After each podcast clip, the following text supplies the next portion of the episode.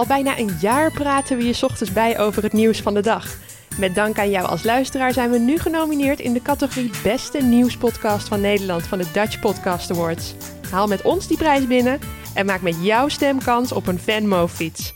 Ga naar nu.nl slash podcast en stem op nu.nl's Dit Wordt Het Nieuws. Goedemorgen, het is dinsdag 28 augustus 2018. Mijn naam is Julian Dom en dit is de Nu.nl Dit Wordt Het Nieuws podcast. In deze uitzending praten we je bij over de dood van Nicole van den Hurk. Jos de G is veroordeeld voor de verkrachting van Van den Hurk, maar niet voor haar dood. Vandaag start het hoger beroep. Dat hij wilde voorkomen dat zij aangifte bij de politie zou doen en verder getuigenis ervan zou afleggen, is een voor de hand liggend motief voor de doodslag. Ook bespreken we twee belangrijke voetbalwedstrijden in het Nederlands voetbal. Want Ajax en PSV spelen voor een ticket in de Champions League. Maar nu eerst het belangrijkste nieuws van afgelopen nacht. De Armeense kinderen Lily en Hoek moeten op 8 september of eerder Nederland verlaten en vertrekken naar Armenië. Dat zei Hoek in het programma Laat op 1. De Raad van State oordeelde eerder dat de kinderen het land uit moeten. De advocaten van de kinderen lieten weten mogelijk nog naar het Europese Hof te stappen. De Amerikaanse president Donald Trump heeft maandag besloten om de vlag bij het Witte Huis alsnog de hele week half stok te laten hangen. Dat vanwege de overleden senator John McCain. McCain is een oorlogsheld in de Verenigde Staten, maar hij was ook een politiek tegenstander van Trump. Het Witte Huis kreeg eerder nog veel kritiek toen de vlag niet half stok hing op maandag. De politie heeft maandagavond in Naaldwijk een man neergeschoten die met een mes zwaaide. Bij de aanhouding, waarvan beelden zijn te zien op nu.nl, werd ook een politiehond ingezet. De gewonde verdachte is met een traumahelikopter naar het ziekenhuis vervoerd. Over de mogelijke toedracht van het incident kon de politie niet zeggen. De Rijksrecherche is ook een onderzoek gestart omdat agenten hebben geschoten. En dan kijken we naar de nieuwsagenda van deze dinsdag 28 augustus.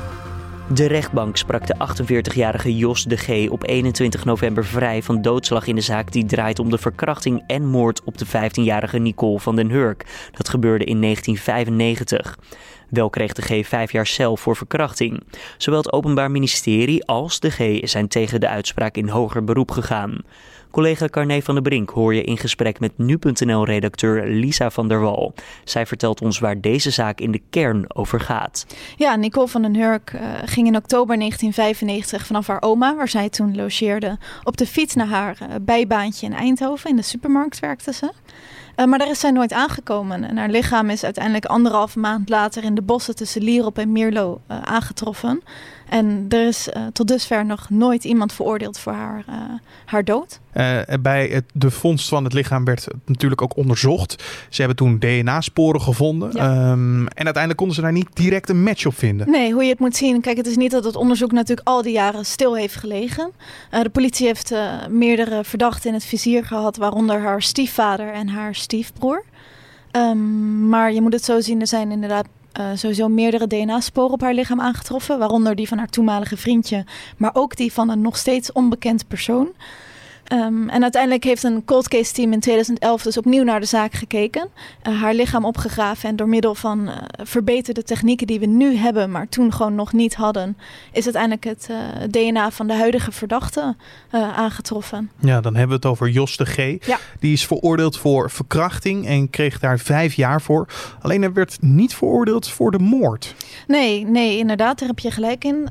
je moet het zo zien, de rechtbank die zag voldoende bij is dat zij verkracht is. Dus op dat punt is hij veroordeeld. Um, maar hij is niet veroordeeld voor het doden van Nicole, omdat de rechtbank daarin geen sluitend bewijs kan vinden. En de rechtbank zei wel dat ze het motief voor de dood aannemelijk vonden. Immers, verdachte had een ernstig misdrijf gepleegd, de verkrachting van een 15-jarig meisje. Dat hij wilde voorkomen dat zij aangifte bij de politie zou doen en verder getuigenis ervan zou afleggen, is een voor de hand liggend motief voor de doodslag. Bovendien, bij eerdere en latere verkrachting heeft verdachte zijn slachtoffer gedreigd hen de keel door te snijden of lek te steken als zij niet zouden meewerken.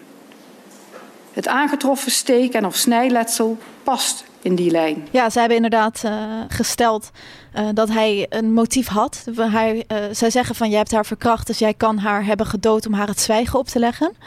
Uh, maar nogmaals, hier, hier is niet voldoende bewijs voor gevonden, uh, zei de rechtbank. Nee. En op de uitspraak ging het OM ook in hoger beroep. Klopt. Het uh, Openbaar Ministerie die is van mening dat er wel voldoende bewijs is uh, dat de verdachte haar wel om het leven heeft gebracht. Uh, dus die laat nu het gerechtshof kijken naar de zaak. En zij zijn niet de enige, want de verdediging, Jos de Gezenkant, die heeft ook een hoger beroep aangesteld. Ja, ze zijn ook in, in, in beroep gegaan omdat zij vinden dat dat hij op alle punten vrijgesproken had moeten worden. En neem ons mee, vandaag gaat het proces van start. Hoe gaan die dagen er dan uitzien? Ja, je moet het gewoon zo voor je zien als dat er gewoon weer opnieuw naar de zaak gekeken wordt. Dus het Openbaar Ministerie krijgt de kans op, uh, om het onderzoek voor te leggen. Uh, maar ook de verdediging zal weer uh, zijn visie geven over wat er gebeurd is die dag. Je hoorde nu.nl-redacteur Lisa van der Wal. Vandaag en morgen zijn belangrijke dagen voor het Nederlands voetbal. Dan weten we of Ajax en PSV zich hebben geplaatst voor de groepsfase van de Champions League. Carne van der Brink hoor je samen met nu-sportredacteur Riepke Bakker. Ja, het Nederlands voetbal uh, zit uh, op een dieptepunt. Ik heb naar een WK gekeken zonder Nederlandse elftal. Ik heb vorig jaar naar een Europees seizoen gekeken van Nederlandse clubs... waar geen enkele club uh, ja, overwinterde in Europa voor het eerst sinds heel, heel, heel veel jaar. Uh, het kan voor het eerst zijn sinds 1993 dat we geen Nederlandse clubs in de Champions League hebben. Dus ja, het Nederlands voetbal zit op een uh, dieptepunt. En dit is wel echt heel lekker als we weer eens potverdriet er een keertje bij horen, internationaal gezien. Weliswaar niet zoals Duitsland, Engeland, Italië, Spanje. Die doen mee met vier clubs, maar wij kunnen er twee hebben. En dan hoor je niet bij de top, maar wel gewoon weer even bij de subtop van Europa. Europa League was Ajax natuurlijk wel in de finale, dus dat moeten we wel rekening mee houden. Maar het is een heel ander slag, denk ik. Ja, ja, dit is Champions League. Uh, als ik puur gewoon moet, uh, moet vergelijken, een overwinning in de Champions League die levert 2,7 miljoen euro op en een gelijk spelletje 1 miljoen. En in de Europa League is het ja, ruim een half miljoen per overwinning en 190.000 euro voor een gelijk spelletje. Dus dat is het. Uh, ja, die Champions League of die Europa League finale van Ajax was sensationeel, ruim een jaar geleden. Maar ja, in de Champions League valt veel meer geld te verdienen en dus helpt het ook enorm als wij weer erbij zitten met Ajax en PSV om ja, aansluiting te vinden met de rest van Europa. Ajax uh, speelt als eerste vandaag. Uh, ze hebben de vorige wedstrijd een 3-1 gemaakt. Ja, wat kunnen we verwachten van ze? Ja, ik vind, uh, kijk, van Ajax en PSV, als die met elkaar vergelijkt, vind ik de 3-1 overwinning van Ajax is de meest linker. Want 2-0 verliezen bij Kiev en het is klaar ik, ik, ik, neem dan nog een beetje Lyon in ogen Toen ging Ajax daar met een 4-1 zege uh, anderhalf jaar geleden in de Europa League naar Lyon toe. Nou, uh, ik was zelf in, de, in het stadion aanwezig. Dat was uh, billen knijpen en zweet onder de oksels. Maar uiteindelijk hielden ze net aan stand. Maar goed, het voordeel van dit Ajax, dit Ajax is, is zo goed. Dit is Ajax is zelfs het beste Ajax, durf ik wel te zeggen, van de afgelopen tien jaar, kwalitatief gezien. Met Tadic, met Ziyech, met Huntelaar. Uh, er zit zoveel scorend vermogen in dat ik me bij een niveau kan stellen dat Ajax niet gaat scoren in Kiev.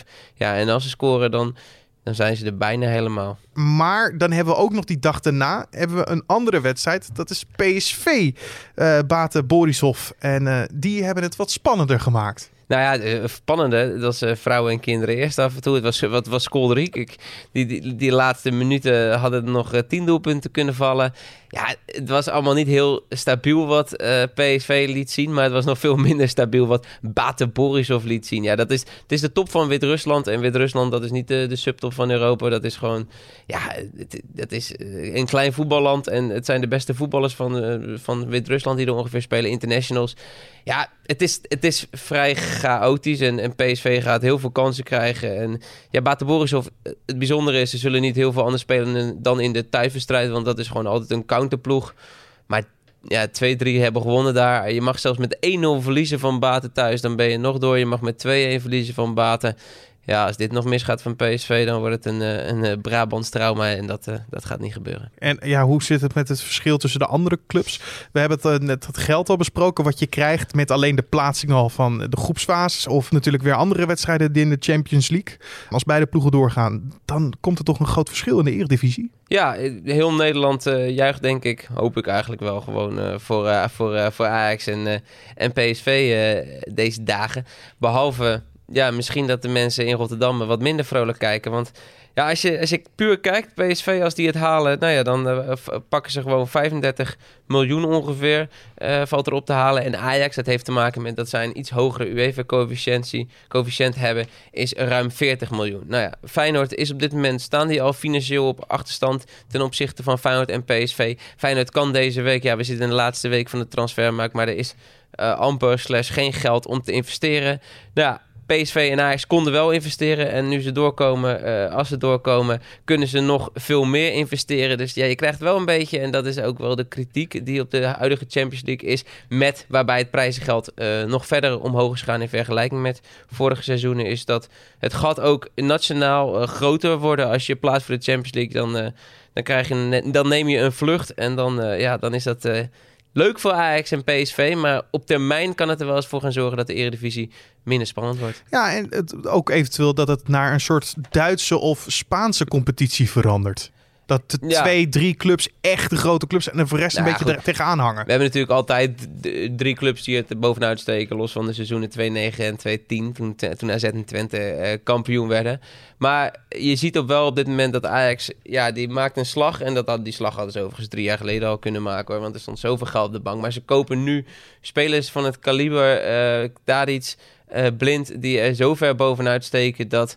Ja, Ajax Emmen was afgelopen zaterdag een, een, een, verschrikking eigenlijk voor de Eredivisie. Dat wil je niet als, als club zijn. De eh, voetballers die op halve kracht uh, met 5-0 winnen. Maar ja, dat financiële verschil uh, gaat wel toenemen. Als Ajax de Champions League haalt en ook als PSV de Champions League haalt. Ja, dit zal meer en meer een red race gaan worden tussen PSV en Ajax op deze manier. Ja, en dan uh, krijg je inderdaad Barcelona, Real, Tafereel. Zolang het er maar twee zijn, laten we daarop houden. Want in die, die Bundesliga bij, in Duitsland, ja, daar weet je één ding en dat is zeker. En dat is dat Bayern kampioen wordt. Nou ja, laten wij, als wij nog twee clubs hebben die kampioen worden, dan is het al een stuk spannender. Je hoorde nu sportredacteur Riepke Bakker. De Amerikaanse muzieklegende Aretha Franklin wordt vrijdag naar haar laatste rustplaats gebracht. De Queen of Soul, die vorige week op 76-jarige leeftijd stierf, wordt bijgezet op de Woodlawn Cemetery in Detroit. Voorafgaand aan de uitvaartdienst in de Greater Grace Temple kan het publiek afscheid nemen van de legendarische soulzangeres. Donderdag en vrijdag wordt Franklin opgebaard in het Charles H. Wright Museum of African American History. Dan nog even het mediaoverzicht voor deze dinsdag. 50PLUS stopt de samenwerking met het eigen wetenschappelijke onderzoeksbureau. Dat meldt de Volkskrant op basis van een brief die de krant in handen zou hebben. De directeur van het onderzoeksbureau zegt dat partijvoorzitter Geert Dales vindt dat de onderzoeken te onafhankelijk zijn. Dales noemt dat onzin. Het is al langer onrustig bij 50PLUS. Verder een artikel in de Volkskrant over de problemen die mantelzorg kan opleveren voor werknemers en werkgevers. De helft van de werkgevers denkt dat de problemen groter worden de komende jaren. Een op de vijf werknemers is inmiddels al mantelzorger en het aantal neemt niet af. Autoverkopers moeten zich meer richten op het verkopen van elektrische auto's. Tenminste, als het aan de regering ligt, dat schrijft het AD. De verkopers kunnen cursussen volgen waarin ze leren de elektronische auto's beter te verhandelen. Mogelijk worden die cursussen zelfs verplicht, schrijft de krant. Dan het weer voor deze dinsdag. Vandaag begint bewolkt, maar de meeste wolken trekken zich al snel terug. Het wordt uiteindelijk een heldere en zonnige middag met temperaturen tussen de 20 en 23 graden. De wind laat niet zoveel van zich merken en het blijft droog. En dan voordat we bij het einde zijn van de podcast nog even dit. Comedian en acteur Eddie Murphy wordt voor de tiende keer vader. In december verwacht hij samen met zijn vriendin Paige Butcher hun kind. Het is het tweede kind van het stel nadat in 2016 hun dochter Izzy al geboren werd. De 57-jarige Murphy werd in 89 voor het eerst vader. De relatie met de moeder van het kind hield echter niet lang stand. Een jaar later kreeg de acteur al met zijn volgende vriendin een tweede baby. In 1993 trouwde Murphy vervolgens met Nicole Mitchell. Daar wist hij wel raad mee, want het stel kreeg samen nog eens vijf kinderen. In 2006 scheiden ze vervolgens, waarna Murphy een relatie kreeg met voormalig Spice Girl Mel B. En je zou het niet raden, maar ook zij raakt zwanger. Met het tiende kind is Murphy een bekend gezicht in lijstjes van bekende sterren met veel kinderen. Andere grote namen zijn zanger Bob Marley. Volgens zijn website is hij elf keer vader geworden. Al wordt dat aantal soms betwist en zou het wel eens hoger kunnen uitvallen. Ook actrice Mia Farrow komt vaak langs in de lijstjes. Zij is namelijk veertien keer moeder geworden. Dit was dan de Dit wordt het nieuws podcast van deze dinsdag 28 augustus. Je vindt de podcast maandag tot en met vrijdag om 6 uur ochtends op nu.nl. Je kan deze week ook nog steeds stemmen bij de Dutch Podcast Awards op deze podcast. Help ons die prijs te pakken en maak met je stem kans op een nieuwe fiets. Ook wil ik je graag even wijzen op onze Formule 1 podcast de Boordradio. Nu de tweede seizoenshelft van de Formule 1 is begonnen, kan je elke maandag na de wedstrijd weer luisteren naar de nabespreking met verslaggevers en De link om te luisteren vind je in de beschrijving van deze podcast. Laat ons ook even graag weten wat je vindt van deze uitzending. Dat kan via feedback.nu.nl of laat een reactie achter in je favoriete app. Mijn naam is Julian Dom en voor nu een hele mooie dag en tot morgen.